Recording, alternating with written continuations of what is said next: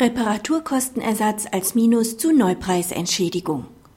Der Anspruch auf Ersatz von Reparaturkosten ist kein Aljut, sondern lediglich ein Minus gegenüber der Klage auf Ersatz des Neupreises.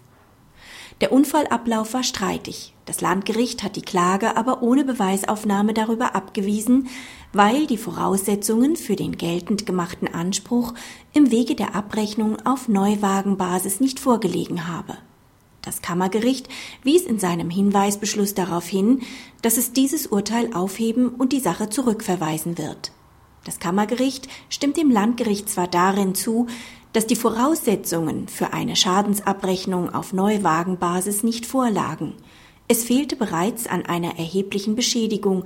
Der Kläger hat auch kein vergleichbares Neufahrzeug angeschafft.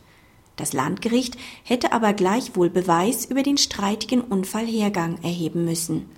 Der Kläger hat Schadensersatz für sein durch den Unfall beschädigtes Fahrzeug geltend gemacht.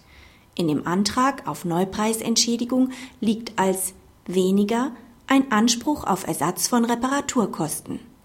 Dies gilt erst recht vor dem Hintergrund, dass der BGH darauf hingewiesen hat, dass es sich bei der Ersatzbeschaffung und der Reparatur um gleichwertige Arten der Naturalrestitution handelt.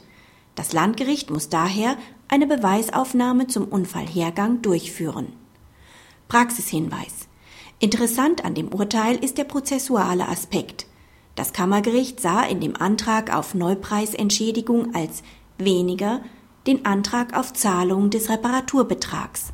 Die neuere höchstrichterliche Rechtsprechung, die für eine Abrechnung auf Neuwagenbasis als vierte, kumulative Voraussetzung grundsätzlich Zulassung nicht länger als ein Monat, Laufleistung 1000 Kilometer, erhebliche Beschädigung, die Anschaffung eines fabrikneuen Fahrzeugs voraussetzt, hat auch das Landgericht Dessau-Roßlau bestätigt